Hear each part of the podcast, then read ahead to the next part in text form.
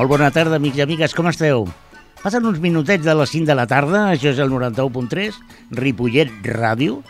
Soc Albert Castro i sense cap mena de dubte, això és l'hora del té.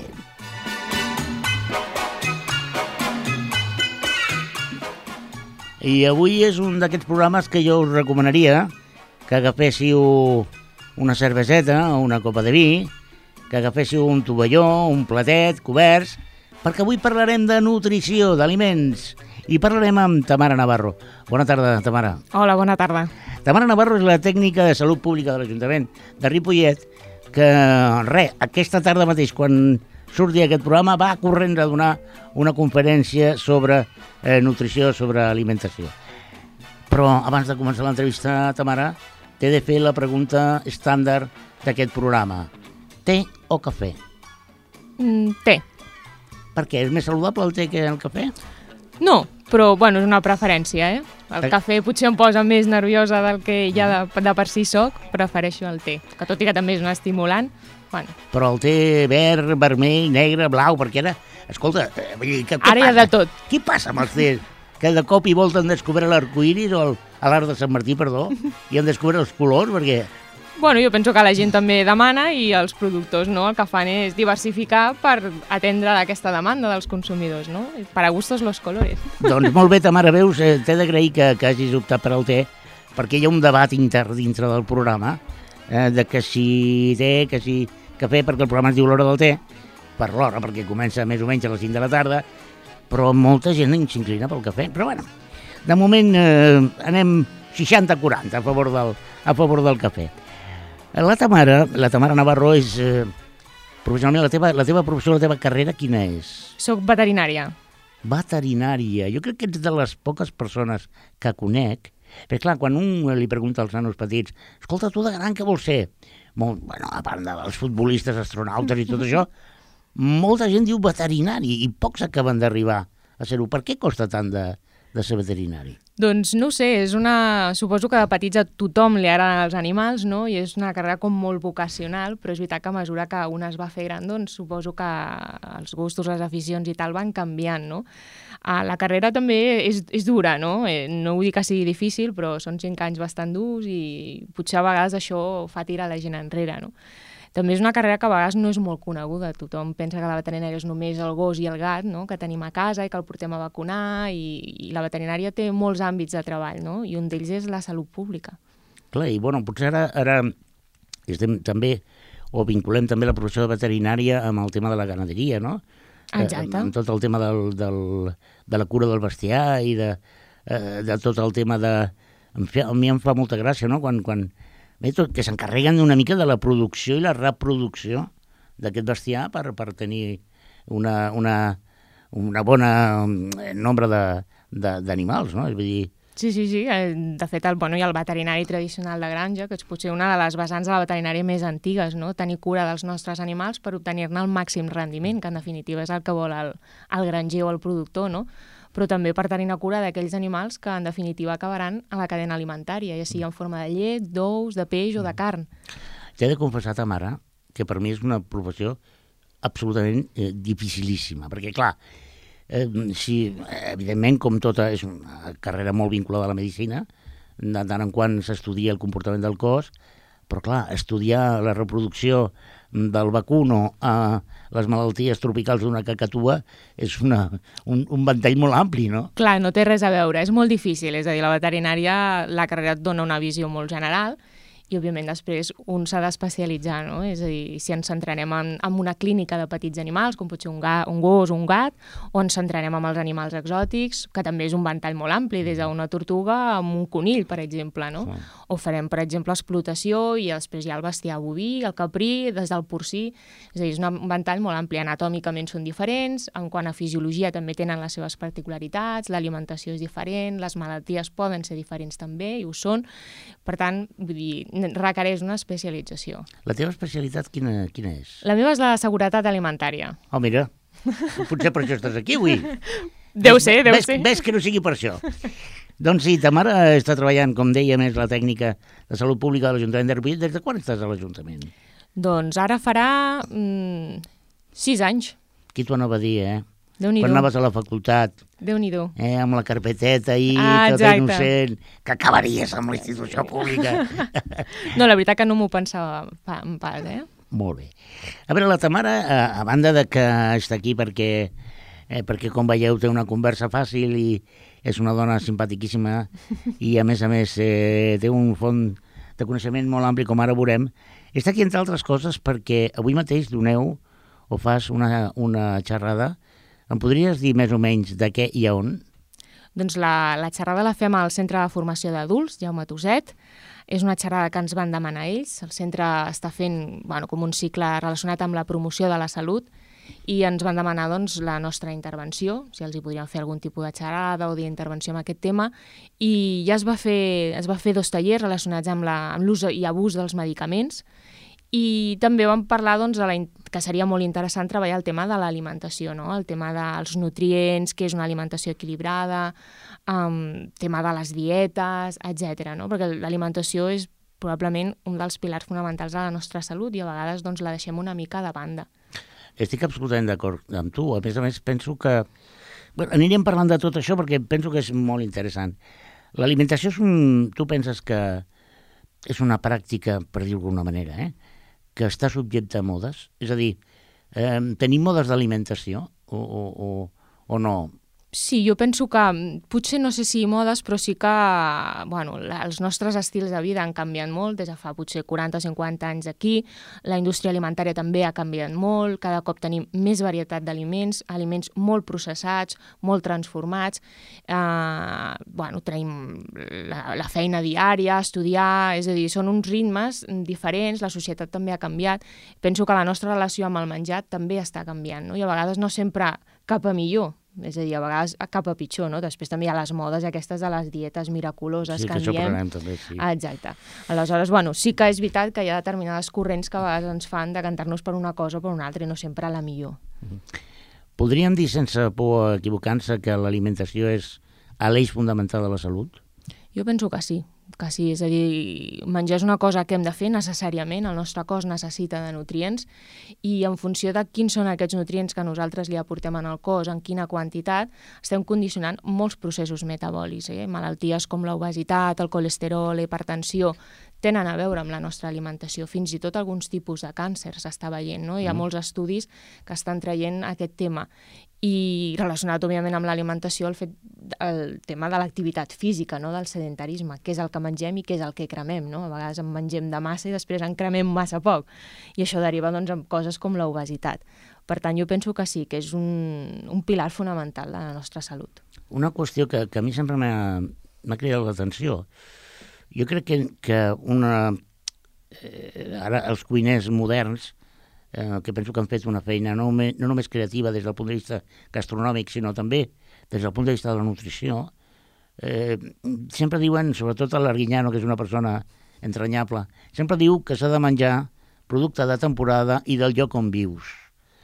Per tant, eh, tu penses que l'alimentació que ha, ha de tenir o que té una persona nascuda a Àsia o a Àfrica o a Europa del Nord eh, no és la mateixa des del punt de vista d'aliments, però és el que el seu cos necessita o, o, o això és, és un, un altre tòpic de... Home, està clar que en el lloc que hem nascut i on vivim i tradicionalment probablement estem més acostumats a un tipus de dieta la que han seguit els nostres avis, pares, etc. i en aquell moment probablement és la que més ens convé, no? Sí que és veritat que cada cop hi ha més estudis que bueno, estan traient les bondats de la dieta mediterrània, no? que és la que tenim aquí a, a Catalunya, a Espanya, a molta, al sud d'Europa, diguem-ne, no? Uh, les bondats de l'oli d'oliva, dels fruits secs, de la fruita fresca, que potser són ingredients que en altres uh, tipus de uh, dietes o alimentacions no estan o no amb la quantitat potser que nosaltres tenim, no? Això no vol dir que altres persones d'altres cultures no puguin tenir una alimentació correcta o equilibrada per les necessitats o la, les latituds o les condicions climàtiques potser en les que es troben. Però penso que la dieta mediterrània és una cosa digna d'exportar, no? La dieta mediterrània, senyora Merkel. Ah, què? Per això ens té tanta ràbia, punyetera. Clar, ella no té oli d'oliva, perquè l'oli d'oliva... Eh, parlem dels olis una mica, perquè eh, per circumstàncies que no són importants en aquest moment, Jo he tingut relació amb, amb cuiners eh, de molts nivells i alguns molt bons, no? I recordo una conversa amb un cuiner mm, de l'escola de Lausanne, eh, de l'escola de, de Le Grand Roticher de Lausanne, un, un home mm, molt de la cuina francesa, em deia l'oli d'oliva és molt bo, però si hem de fer un fregit, millor l'oli de girassol, perquè l'oli d'oliva, quan agafa una temperatura, perd qualitat... És veritat, tot això, és a dir, l'oli d'oliva és per menjar cru i la resta per fregir o no? O això és no, a veure, és veritat que hi ha olis que potser per la seva composició, transformació, etc, potser sí que resisteixen millor les altes temperatures, però de fet l'oli d'oliva sempre s'ha dit que suporta bé les altes temperatures i és un oli molt recomanat tant per consumir en cru com per cuinar. L'únic que té la, potser la contrapartida de que és potser dels olis més cars que hi ha i potser utilitzar-lo per fregir, doncs, mm, no sé, unes patates o unes croquetes, doncs a vegades la gent li fa com cosa, no? I n'agafa potser la segona versió que tenim aquí, que és l'oli de girassol, que també és un oli molt saludable, eh? Però si hem d'agafar un oli per excel·lència, penso que és el d'oliva. A més, l'oliva, l'oli en concret, és el, vertebrador de la cultura mediterrània i romana, no? Sí. Una de les grans coses que ens van portar els romans va ser l'olivo, no? Com... I som grans productors i exportadors, a Espanya, Itàlia, Grècia... Uh -huh. Vull dir que ho tenim, és un producte de la terra. Per tant, eh, el, el, parlaves abans del, de l'oli de les fruites i verdures fresques. Això és molt important, és a dir, una, una verdura... Mm, quina és la millor manera de menjar-la? Suposo que fruites està clar que, que crues, però, per exemple, les verdures crues com la pastanaga, com l'enciam, seria millor menjar-les crues o, o es poden cuinar sense que perdin? Es poden cuinar. És veritat que el, les verdures eh, es caracteritzen precisament perquè tenen, per exemple, gran quantitat de, de vitamines o de minerals i algunes d'aquestes vitamines amb les altes temperatures doncs, es degraden o potser sí que es perden perquè són sensibles a la calor, etc. Però, per exemple, en cas de l'enciam o la pastanaga, doncs podem menjar-les fresques sense cap problema. La pastanaga, si la cuidem, cap problema. Tenim altres verdures que mai se'ns acudiria menjar-les crues i, per tant, les hem de cuinar perquè, a més, per textura, per, per gust, etc o per, fins i tot per fer la, la digestió pròpia d'aquesta verdura, doncs seria molt complexa. Per tant, jo penso que una dieta mm, variada ha d'incloure tant una verdura crua, com pot ser un enciam, una pastanaga un tomàquet, com la verdura cuita. Mm -hmm. Escolta, això ara t'ho dic jo, un comentari absolutament personal, eh? Vale el bròcoli, vull dir, el bròcoli això no es pot menjar, això és, és horrorós, vull dir, serà molt bo, però és, això és... Bueno, hi ha una gran quantitat, jo penso, de verdures en el mercat, sí, amb una persona en concret, jo tampoc no som gaire partida del bròcoli, però a nivell de gust personal, però penso que ja tenim un ventall molt ampli per escollir sense que això suposi que ens puguin mancar nutrients o algun tipus de bueno, d'algun altre factor que necessiti el nostre organisme. Per tant, penso que tenim prou on escollir. Menys mal, gràcies. Perquè, clar, Hem d'estar tranquils. Amb el bròquili no puc, no puc, no puc. Jo no conec a ningú que li agradi. Hi ha gent que ho mengi així, però agradar... Però es ven i es compra, per tant, algú ha d'haver. Algú ha d'haver. Ai, Déu meu senyor, aquests productes. Bé, i ara passem a la part que a mi més m'agrada, peixos i carns. Uh, el peix, jo penso que també tenim la sort al Mediterrani de tenir una gran varietat de peix fresc mm -hmm. i tant d'aigua dolça com de, de mar. El peix realment és, és bo, és, és important incorporar a la dieta? Sí, és un producte molt saludable, és un producte molt ric en proteïnes, en el cas del peix blau molt ric en àcids grassos essencials, els famosos omega-3, omega-6, és un producte que conté també molts minerals, vitamines, per tant jo penso que quan parlem d'ingestió de proteïnes, no només ens hem de centrar en les carns, que també som un, bueno, una terra molt carnívora, no? També ens hem de centrar en el peix, que penso que és un producte molt nutritiu que a vegades, doncs, amb el, quan som petits, potser és un aliment que no ens agrada gaire i això fa que després d'adults no en consumim tampoc gaire. Però penso que sí, que és un aliment que ha de ser fonamental a la nostra dieta. A més, tenim una gran varietat d'espècies de, per consumir, de preus molt diversos, per tant, menjar peix no és car. Eh, el producte d'oferta en aquell moment doncs, pot ser doncs, en un moment donat una truita, un barat, un jus, per tant, tenim on escollir i, i a més és un producte que gastronòmicament també ofereix moltes possibilitats. Mm -hmm. I després la gran, la gran culpable de tots els mals de la nostra humanitat, que és la carn, la qual jo defenso encarnizadament. No, però és veritat que, que la carn... Clar, parlem de carn, però hi ha moltes carns. I tant. Perquè imagino que és el mateix el pollastre o el conill que la vedella, o el bou o, o el xai. O el porc, no? És a dir, són carns molt diferents, suposo. Sí, són carns que bueno, tenen qualitats diferents, tenen també aspectes i gustos diferents. Uh, potser les carns blanques, que tradicionalment es diu, com potser la del conil o del pollastre, són de les més saludables en el sentit que tenen una menor quantitat de greix, normalment tenen un greix, en el cas del conil, per exemple, també molt saludable. Uh, pel contrari, per exemple, el porc o el xai potser en tenen més quantitat de greix, però el porc compta perquè hi ha parts molt grasses, però també parts molt magres no? i de molta qualitat. Per tant, un filet de porc jo penso que és una cosa que s'ha de degustar, el, no? El, el pernil és bo, no? El pernil també és una cosa molt És saludable? saludable. Clar, és a dir, jo penso que en el cas del, dels embotits, o com podria ser el, el pernil salat, és un producte molt nostre i penso que si es menja amb moderació no ha de suposar cap tipus de problema. Una altra cosa és que en mengéssim cada dia una bona tanda de pernil, no? Potser si aleshores sí que amb el tema de la sal, del greix i tal, potser sí que podríem tenir problemes, però de tant en quant el pernil penso que sí, que no ens hem de privar d'una cosa tan bona com aquesta. Molt bé, i després tenim els, els complements que dic jo, que són tots els lactis, pans eh, i tot aquest tipus de coses que suposo que és un complement. Bueno, els lactis han de formar part de la nostra dieta. Normalment es recomana, segons aquesta famosa piràmide de l'alimentació, d'entre dos i quatre racions diàries, ja sigui en forma de llet o de derivats de la llet, perquè avui en dia tenim mil varietats de iogurts diferents, de quallades, de formatges, ja de tot tipus, a més rics en sal, baixos en sal. Per tant, mmm, tenim l'opció, el ventall molt ampli per facilitar precisament el consum de, de làctics. I després amb el tema d'altres potser complements alimentaris i tal, um, a part dels làctics en parlàvem també de... Els pans i... Bueno, el pa és, Les és la galetes, base de la nostra dieta, és a dir, són carbohidrats, eh, deriven dels cereals i han de formar part sempre de la nostra dieta, a més amb diverses racions al dia, ja sigui en forma de pa, de cereals, d'arròs, de pasta, etc. Uh -huh. Molt bé, escolta, mm, Tamara, jo, jo és que a vegades miro els prospectes dels, eh, sobretot dels, dels làctics, i jo mm, cada vegada al·lucino més, és a dir, això del bifidus activo, de il hay que seis ammonites, i cada vegada, és, menges el iogurt i dius, hi ha tanta cosa, però, eh, és a dir, tot això és, un, és una manera de vendre el producte o realment és important que tinguin el bifidus activo i el Leli ammonites aquest, que sembla un jugador grec de, de bàsquet. Sí. A veure, són, diguem-ne, com el valor afegit de l'aliment. En principi, eh, un iogurt normal ja conté de per si microorganismes, microorganismes que, que han fet aquesta transformació de la llet en iogurt i que quan nosaltres l'ingerim doncs, tenen certs beneficis per la nostra eh, flora intestinal. En el cas de l'LKC immunitas aquest famós, suposo que amb els estudis s'ha demostrat doncs, que aquest paper potser és més evident, però tampoc cal exagerar les virtuts del producte. És a dir, sembla que amb una ració de l'EKC immunitas som immunes a tot. I tampoc és això, no? Penso que és un producte que ens aporta uns beneficis, però aquests beneficis jo penso que s'han de mesurar eh, d'una manera racional, sense exagerar tampoc les bondats del producte, però bueno, sí que poden tenir el seu efecte.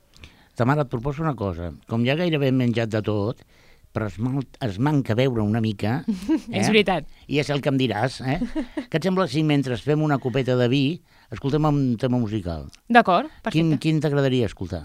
Doncs a mi m'agrada molt la música dels 80, m'agradaria sentir algun tema de la Cindy Lauper.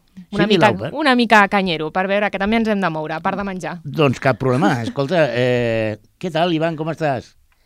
Perfecte, l'Ivan és el nostre tècnic eh, accidental, és un nano jove, tu menges bé, Ivan? Tens cara de no menjar gaire bé, eh? Tu ets d'hamburguesa i amb molt de ketchup, eh?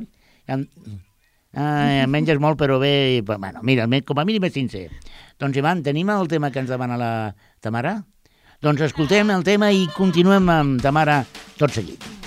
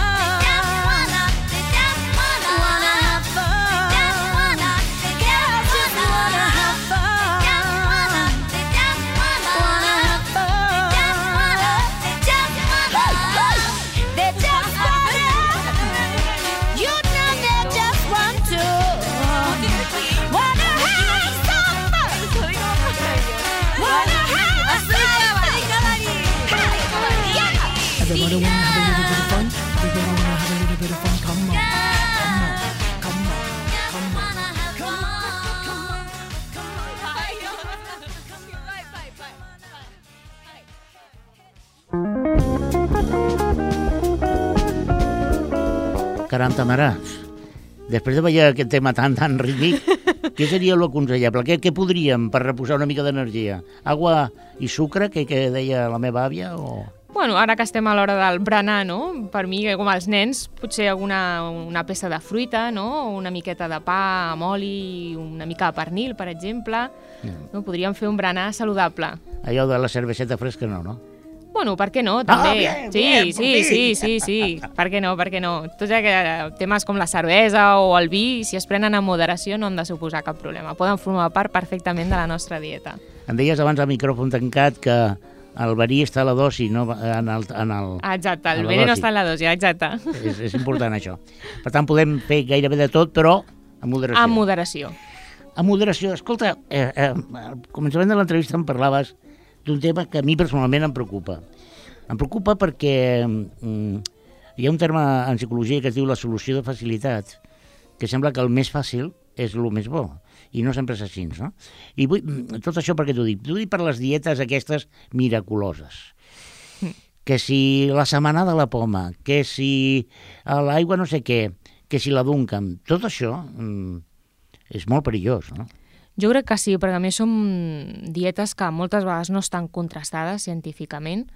Uh, algú, sembla ser, se les ha inventat, se les ha tret de la butxaca, en fan molta publicitat i moltes vegades no es fan sota una supervisió mèdica, que penso que és molt important quan es fa una dieta realment orientada doncs, a perdre pes a una persona que realment ho necessiti. Eh? Per tant, penso que s'han d'agafar molt amb pinces. A més, hi ha dietes que bueno, des del punt de vista nutricional penso que no tenen cap sentit, no? com que passar-se el dia amb una carxofa o amb una poma. Vull dir, és fer una restricció tan brutal de nutrients que el nostre cos pateix les conseqüències. Perdem pes? Bueno, a vegades, clar, si no menges absolutament res, al cos no li queda més remei que cremar. Però a quin preu, no? A vegades el metabolisme de les proteïnes, els nostres fets, els nostres ronyons, comencen a patir conseqüències. Per tant, dietes sí, però penso que mm, per un professional, pautades i sota la supervisió d'un metge. Per tant, podríem parlar de perill, de perill de salut, Sí, sí, eh, sí, el sí, fer sí. pràctica d'aquestes dietes. Sí, sí, dietes que són excessivament proteiques, per exemple, és a dir, les proteïnes tenen un metabolisme bastant complex, l'accés normalment s'excreta o es metabolitza a nivell de fetge, a nivell de ronyó. Si nosaltres incrementem de manera exagerada aquest consum, per exemple, de proteïnes, estem forçant la nostra maquinària interna per eliminar aquest excés, no? I, de fet, s'ha comprovat i s'ha vist que moltes d'aquestes dietes després tenen conseqüències perilloses a part de l'anomenat efecte rebot, no? que molta gent en perd com molts quilos en molt poc temps i quan sembla ser que deixa aquesta dieta de banda el que fa és recuperar-ho eh, més, més ràpidament i amb més quantitat de lo que havia perdut, cosa que no té sentit. És a dir, de fet, la dieta s'ha de basar en menjar bé.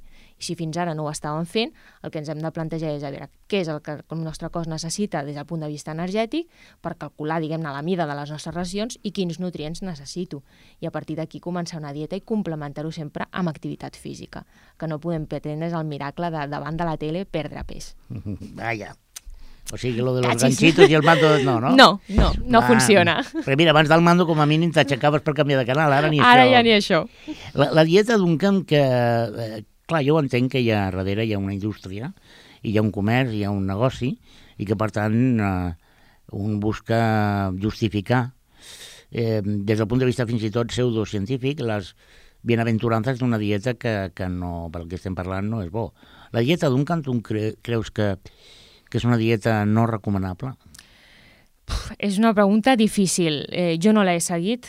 Afortunadament, a mi no em fa falta seguir cap dieta. De moment tinc, crec, una alimentació adequada i saludable, però sí que conec gent que l'ha fet i penso que s'ha molt amb pinces. No? És una dieta que precisament es, baixa, es basa en un accés a proteïnes i en reduir molt el consum d'altres nutrients, com poden ser els carbohidrats i els greixos. Penso que és una dieta que sí que pot tenir conseqüències negatives, especialment si es fa de forma molt estricta, però també és una dieta que ha tingut suposo que el recolzament d'una gran publicitat, no? I ha calat molt amb, amb molta gent, s'han fet llibres, programes, eh, i això a vegades a la gent potser el, el, els confon, no? Penso que una persona que vol posar-se a dieta i que potser per si sola ja ho ha provat i no ho ha aconseguit, que ha de fer és consultar amb el seu metge de capçalera i que realment li facin un assessorament amb aquest tema o que vagi amb un professional, un nutricionista, amb una dietista i que valori realment quines són les seves necessitats i a partir d'aquí fer una dieta una mica personalitzada. I ara faré una pregunta impopular, ho sé, Vale. perquè està molt bé dir que ets vegetarià i, i ara els vegans, aquests, eh, persones que, que, que, som, que tenen una dieta molt, molt, molt concreta. Tot i que també hi ha tota una filosofia que tracta de justificar que una persona vegetariana eh, no té carències perquè pot compensar, això és ben ben cert, o una persona vegetariana a la llarga pot arribar a tenir dèficits alimentaris. Home, hauria de ser una dieta, penso, molt ben pensada, és a dir, si no tinc cap eh, proteïna, per exemple, d'origen animal, doncs ho he de compensar amb proteïnes d'origen vegetal.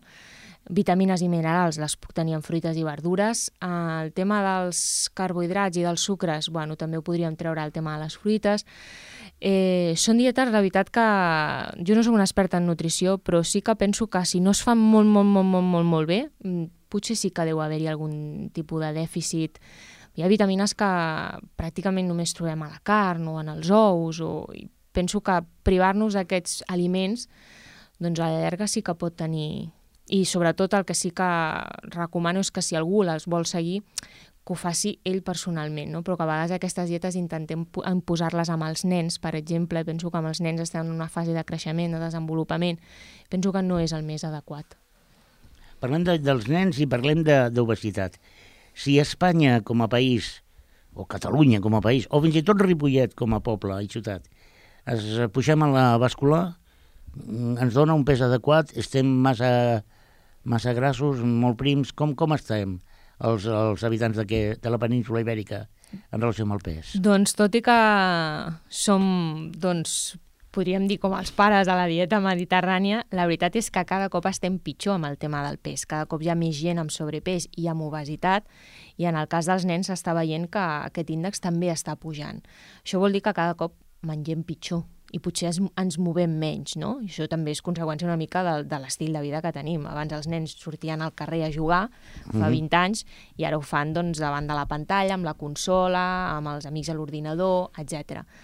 Per tant, penso que s'han barrejat diverses coses que estan fent doncs, que al final el nostre pes s'estigui incrementant d'una manera bastant ràpida. De fet, l'obesitat, eh, segons l'OMS, és probablement l'epidèmia del segle XXI i és una epidèmia que no és contagiosa, que no la causa cap virus ni cap bacteri, però que cada cop pateix més gent. I tu creus que això també depèn una mica de modes alimentàries que et venen d'altres països, com per exemple el menjar ràpid, el, el, la filosofia de l'hamburguesa, del eh, canviar una entrepada de fuet o de, o de pernil dolç per una hamburguesa doble amb formatge i, i tu penses que això també té conseqüències o... Bueno, potser en el seu moment sí, ara jo penso que l'hamburguès i tot aquest menjar ràpid ja forma tant part de la nostra cultura com potser de, de la cultura americana, no? que és on tradicionalment l'associem. També és veritat que bueno, la indústria alimentària cada cop genera més productes transformats, industrialitzats. Tenim una gran varietat de, de bruixeria, de, de dolços, d'aliments eh, transformats, coses que potser fa 40 anys ni ens havíem plantejat. No? Clar, tots aquests aliments processats i transformats estan al, al nostre abast, a més són econòmics, no són cars i bueno, és molt més fàcil comprar-se una hamburguesa que potser preparar-se l'entrepà de fuet, eh, bueno, a vegades eh, en aquest sentit sí que ens estem tornant una mica mandrosos amb el tema de la cuina, no? Mm -hmm. Parlant de cuina, la, la cuina és important? És a dir, el, el moment de l'elaboració dels aliments és important? L'hem, eh, potser en, en base a una vida i un ritme de vida absolutament frenètic hem renunciat al, al dedicar-li el moment de cuinar el temps que mereix? Sí, Penses jo crec que és important sí. el moment de la cuina? Sí, a més el moment de, de la cuina i, i sobretot de- d'anar a comprar, no? Penso que els nens amb els pares, amb les famílies, haurien d'anar a comprar quan van a la plaça, quan van a, al supermercat, quins aliments es compren i per què, què, què diuen les etiquetes d'aquests aliments, què, què ens aporta cada producte que comprem.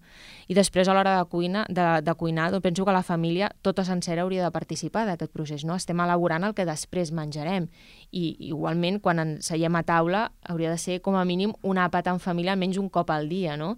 que no sigui que cadascú menja pel seu compte o fa davant la tele, penso que tot, tots aquests hàbits s'han anat perdent precisament amb el ritme de vida que portem. No? Ara ens n'anem amb la Carmanyola a l'oficina i dinem en 10 minuts i, i ens hem fet el més fàcil que hem pogut perquè no teníem temps el dia abans. Penso que això al final sí que acaba repercutint amb, amb què és el que acabem menjant. Clar, jo és que eh, dius coses i, i, i jo ja tinc una edat, ta mare.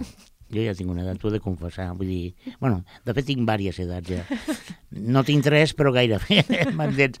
I, I jo recordo el, els moments de, amb els meus avis, quan fèiem els àpats, eh, que normalment era el sopar, perquè al migdia hi havia gent que menjava fora, i era no només un acte de nutrició, sinó un acte de, de compartir, de... era un acte social. Totalment.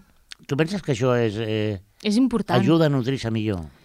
no només a nutrir-se millor, sinó també l'actitud que, que després tenim vers al menjar, no? sobretot a- amb el cas dels nens, que és els que estan aprenent, els que estan adquirint coneixements nous, que són com esponges, el que veuen després és el que faran d'adults. I penso que fer d'un àpat un, un acte social on poder compartir què és el que ha passat a l'escola, què és el que ens ha passat a la feina, menjar tranquil·lament, és a dir, amb tota la taula ben parada, ben asseguts, que tinguem el temps suficient doncs, per anar mm, compartint i anar parlant, penso que és una manera molt adequada de, de, de compartir aquell àpat que prèviament hem preparat entre tots, no? Per tant, penso que això s'està perdent i, i és una llàstima. I perquè tot això no es perdi, mm, tu hi formes part d'un equip que fan coses per fer formació i per fer divulgació i per treballar, eh, com per exemple la conferència que donaràs d'aquí una estoneta. Exacte. De què parlarà aquesta conferència? Bé, aquesta xerrada en principi està centrada una mica amb el que hem parlat del tema dels nutrients, de la piràmide de l'alimentació, d'aquestes dietes miraculoses, de com preparar els plats, com configurar les nostres racions, quines malalties principals tenim derivades d'aquesta mala alimentació que a vegades tenim, com fer una bona compra ara que estem en temps de crisi, com podem estalviar amb el tema de l'alimentació sense que això repercuteixi amb el que mengem negativament.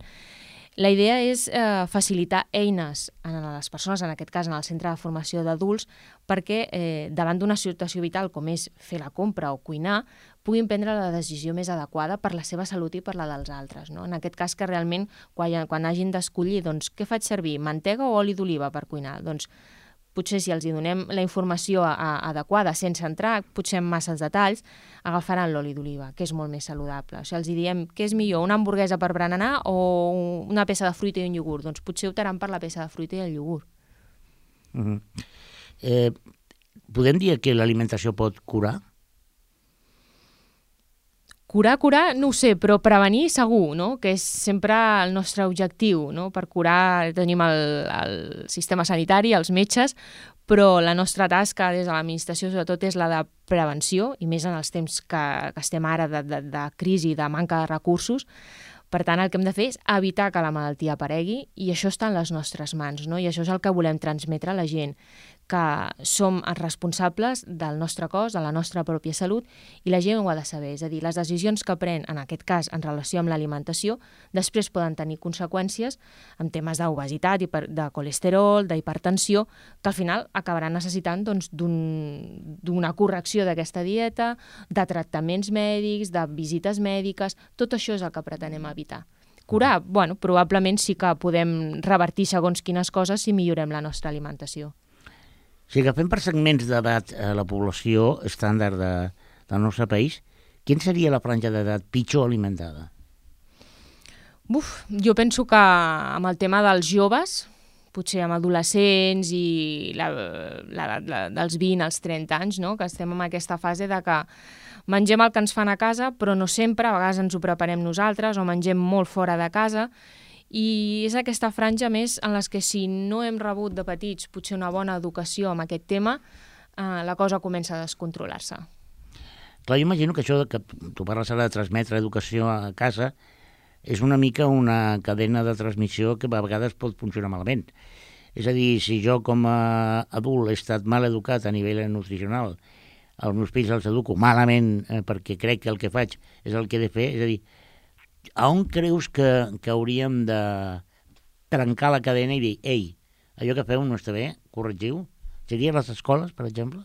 Sí, nosaltres fem bastants tallers amb les escoles, sobretot amb aquelles que ens ho demanen específicament, i pensem que el futur, òbviament, són els nostres nens, no? I tot el que s'aprèn de petit després és molt més fàcil de consolidar amb l'edat adulta. Per tant, sempre els nens, sobretot amb edats inicials, solen ser el nostre objectiu, tant pel tema de l'alimentació com que altres aspectes de, de la promoció de la salut. No obstant, no podem deixar de banda, per exemple, els pares o les famílies. No? Penso que sempre estem a temps d'aprendre i, per tant, la gent que ara té 30, 40, 50 anys, que en el seu moment no va rebre potser una bona informació respecte a temes com l'alimentació, estan a temps d'aprendre com eh, alimentar-se correctament i com alimentar correctament els seus fills. Per tant, penso que hem de compaginar totes dues coses perquè el tema pugui anar avançant. Per tant, podríem dir que els nanos mengen millor els menjadors de les escoles que en moltes cases, potser. Sí, jo crec que sí. De fet, en els menjadors escolars el tema del menú és un menú que està molt controlat. Normalment, tant si és dissenyat per la pròpia escola o hi ha una catering, una empresa al darrere, normalment són nutricionistes els que elaboren aquests menús. Són menús especialment pensats tant pel que fa a ingredients, composició com quantitat de racions per als nens als que va destinats. I, a més a més, hi ha un programa de la Generalitat de Catalunya que s'encarrega de supervisar també aquests menús per, eh, diguem diguem-ne, assegurar-se de que s'ajusten al que marquen les directrius les últimes eh, base científica de, de la dieta mediterrània i amb el que hauria de ser una dieta correcta per a un nen. A veure, si jo, per exemple, soc un pare jove, que no és el meu cas, soc pare però no jove, eh, fa temps que no... Vull dir, si jo ara sóc un pare inquiet, vull donar una bona alimentació als meus fills, però no tinc ni pajolera idea, hi ha algun recurs, hi ha alguna eina, alguna pàgina web algun professional que em pugui dir ei, mira, ho hauries de fer així? És a dir, com equilibrar, com puc saber equilibrar la dieta de casa meva, per entendre'ns? Home, si el que volem és millorar la nostra alimentació, penso que el primer pas potser és consultar-li amb el pediatre, en el cas dels nostres fills, o amb el metge de capçalera, per la dieta general de la família, si no en tenim absolutament ni idea del tema, penso que són professionals que en saben i que ens poden assessorar molt bé. També hi ha eh, professionals particulars o privats, tipus nutricionistes o dietistes, que estan especialitzats a més en aquest tema, i també tenim recursos a internet a pàgines oficials, per exemple, la Fundació Espanyola del Corazón, la pàgina web de la Generalitat de Catalunya, és a dir, són webs ja institucionals. Eh, el programa PAFES, per exemple, també de la Generalitat, que té a veure amb l'activitat física, que penso que la informació que, que està penjada allà està contrastada, està supervisada. Compte amb internet perquè hi ha de tot. Uh -huh. Per tant, vull dir, podem trobar des de que la llet és boníssima fins que la llet provoca càncer i a vegades és difícil escollir amb quina informació ens quedem. Per tant, jo sempre recomano pàgines web que estiguin contrastades, eh? que la informació realment sabem que ve d'alguna institució o alguna entitat realment eh, amb una certa credibilitat i que sapiguem que aquells continguts han passat un filtre. Em permets que juguem una mica amb llegendes urbanes? Vale. M'explico. és que mm, mm, mm, el meu sogre eh, em deia sempre el millor per la salut és un all. Hem de menjar tres alls al dia perquè aquesta manera, tu, escolta, cap problema. És com un antibiòtic. És veritat, això? Bueno, jo penso que són són aliments dels quals a vegades s'exagera, no? Eh, sempre s'ha dit que l'all és molt bo a nivell del, del cor, no?, i de tot el sistema cardiovascular. Menjar-se tres alls al dia, difícil, no? Jo no conec a ningú que ho Ell ho faci. feia, eh? Sí, ho feia. Després no te podies apropar Ah, ell, això, bueno. això no va dir jo ara. no, jo penso que l'all és un producte que potser no ens el consumim directament, però sí que forma part de la nostra dieta perquè el fem servir com a condiment en molts aliments, cars, peixos... Per tant, en aquest sentit, jo no em preocuparia. D'all, jo crec que ja en mengem, i a més tenim un producte molt propi, molt nostre, que és l'alioli, per tant, jo no em preocuparia. Un altre tòpic, a l'aigua. Hi ha qui diu, a menjar s'ha de beure aigua. I hi ha qui diu, a menjar no es pot beure aigua. O abans o després. Què passa amb l'aigua? Es pot menjar amb aigua, no es pot menjar amb aigua? Sí, sí que es pot menjar. És veritat que hi ha gent que té el costum de no, de no beure aigua en tot el dia quan se sent quan s'asseu a la taula s'infla d'aigua, no? I penso que això també no, no és bo perquè, bueno, primer acabem inflant l'estómac d'aigua quan el que ens interessa també és menjar i a vegades això pot provocar doncs, com una mena d'inflament, no? que és innecessari. Penso que durant els àpats s'ha de beure aigua i més si tenim set, això no, no ho hem de prohibir mai, però s'ha de beure amb moderació i ens hem d'acostumar també, entre àpats, a beure aigua. Una altra cosa, la fruita. La fruita s'ha de menjar després, és l'últim que hem de menjar. No pots menjar fruita abans de... És a dir, si t'has menjat un plat de macarrons i després tens un, una petxuga de pollastre a la brasa, no pots menjar la fruita al mig perquè, clar, I jo penso, home, si tot es barreja a dintre, no? Sí que es barreja, sí que es barreja. És veritat que... Hi ha un ordre per menjar, correcte o no? No, a veure, sí que és veritat que tradicionalment nosaltres ens mengem el primer i el segon plat i acabem amb el postre que normalment i és desitjable que sigui una, una peça de fruita, no? També és veritat que hi ha gent que quan acaba de menjar està molt tipa, menjar-se la fruita li suposa un gran esforç, no? I, i fins i tot menjar-se-la a vegades li provoca com certs, eh, com indigestió o refluxe. Aleshores, en aquests casos, si realment és un tema personal, doncs a vegades es recomana menjar-la abans. És a dir, si realment després de l'àpat doncs, no et senta gaire bé, o t'esperes una estona per menjar-te-la o te la menges abans. Menjar- Menjar-la abans té bueno, l'inconvenient o l'avantatge, segons es miri, de que és probable que després en mengem menys, no? perquè ja estem una mica més tips, la fruita més conté sucres, per tant hi ha vegades que la gent diu és que estic fent dieta i per no atipar-me tant el que faig és primer menjar-me la fruita i ja estic una mica plena i aleshores dino, no? i dino menys. Bueno, són tècniques. No hi ha un ordre específic, cadascú ha de mirar què és el que més li convé. Un altre tòpic, una altra lleida urbana, el vinagre i la llimona. No et posis tant de llimona ni de vinagre, que tindràs anèmia, perquè això es menja els glòbuls vermells i no sé què. És veritat, això? És a No, dir, jo penso que que... es posem llimona o be bevem una mica de llimona, eh, ens quedarem esquifits? O, No, perquè el que passa és Hi que havia molta por, eh? són productes molt, bueno, molt àcids. El vinagre és àcid acètic, la llimona té el seu àcid cítric i penso que, clar, si ens passem amb un contingut en àcid, és probable que a nivell de l'estómac, sobretot les persones que, que potser són més delicades, sí que ho notem, no? Són productes que es fan servir, però que s'han de fer servir també amb moderació, perquè a més eh, poden aportar nutrients, però no són precisament... És a dir, la llimona sí, té vitamines i té tal, però no és un... O ens el prenem com a un suc, però amb un aliment és difícil que, Bueno, bueno, veus, mira, m'he quedat més tranquil, eh? Escolta, els restaurants, eh, aquesta de la Nouveau Cuisine, tema Fran Adrià, eh, tema Vera Sategui, a l'Arfac, es menja bé? Es menja equilibrat? O, o penses que tanta química i tanta... això comporta algun risc? Jo penso que hi ha dues coses. Aquesta gent ja bueno, té una carrera gastronòmica hiperdemostrada i, i penso que en el seu restaurant segurament, jo no hi he anat, per desgràcia, ningú m'ha convidat, però... Això ho podem arreglar, Ho eh? podem arreglar, ho podem arreglar.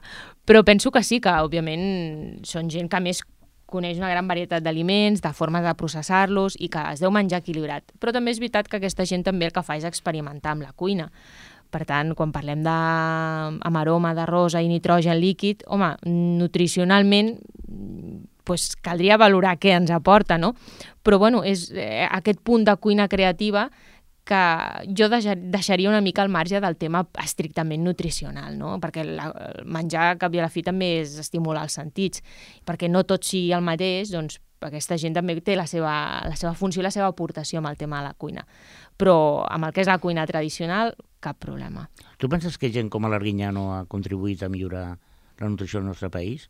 Quan parla, per exemple, de eh, d'equilibrar els menús, dels, eh, quan parla d'adornar una mica aquest menjar que potser és més antipàtic, sobretot cara als nens, Jo penso que sí, perquè fa la cuina molt assequible, és a dir, fa un programa molt popular, o fa amb un llenguatge mm, que la gent ho entén molt fàcilment, eh, treballa i a més explica coses que no són només estrictament el fet de preparar aquell aliment, sinó les propietats que té, com es pot presentar, si els hi pot agradar als nostres fills o no.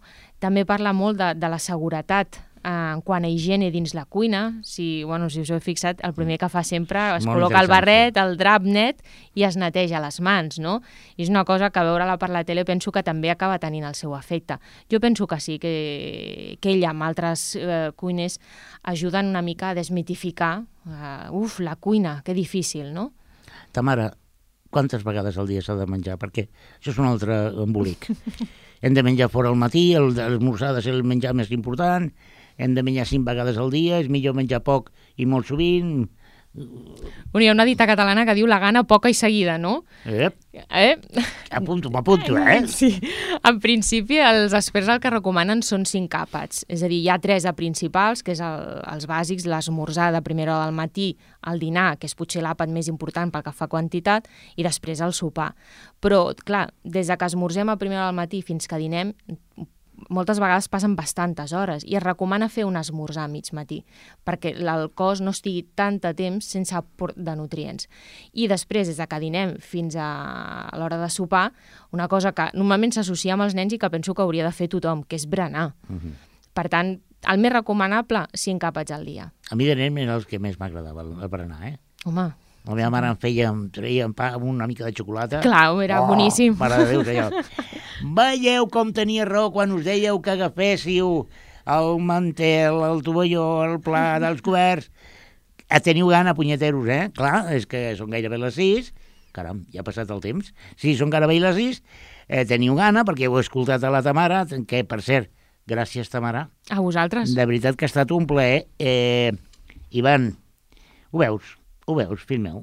És que has de menjar una mica de tot. Ho veus? Eh, clar, és que tu ets, de, de, ets un golafre i no pot ser, eh? Tants macarrons, tants macarrons. Menja bròcoli, menja bròcoli. Sí, home, sí menja bròcoli, que està molt bo. L'Ivan, l'Ivan ha estat el, el tècnic que avui el, li volem agrair. Eh, us ha agradat el programa, eh? Ja ho sé. I us ha agradat tant que diu, oh, jo m'agradaria tornar-lo a escoltar. Cap problema. El diumenge a les 5 de la tarda, al 91.3, es torna a repetir. Però dius, ah, és que tinc una cosina a Pamplona que li hagués agradat escoltar el programa. Cap problema. ripolletradio.cat i podeu escoltar aquest i qualsevol programa de la cadena quan vulgueu. Tamara, Tamara Navarro, eh, moltíssimes gràcies. A vosaltres per haver-me convidat, ha estat un plaer. Eh, algun dia menjarem tu i jo junts. I tant. Eh? I per fer un tasteig, eh, què et sembla si et convido a dinar un menú musical molt especial? Vale. D'acord? Doncs, escoltant aquest menú, eh, en, acomiadem a la Tamara, agraint-li la seva presència.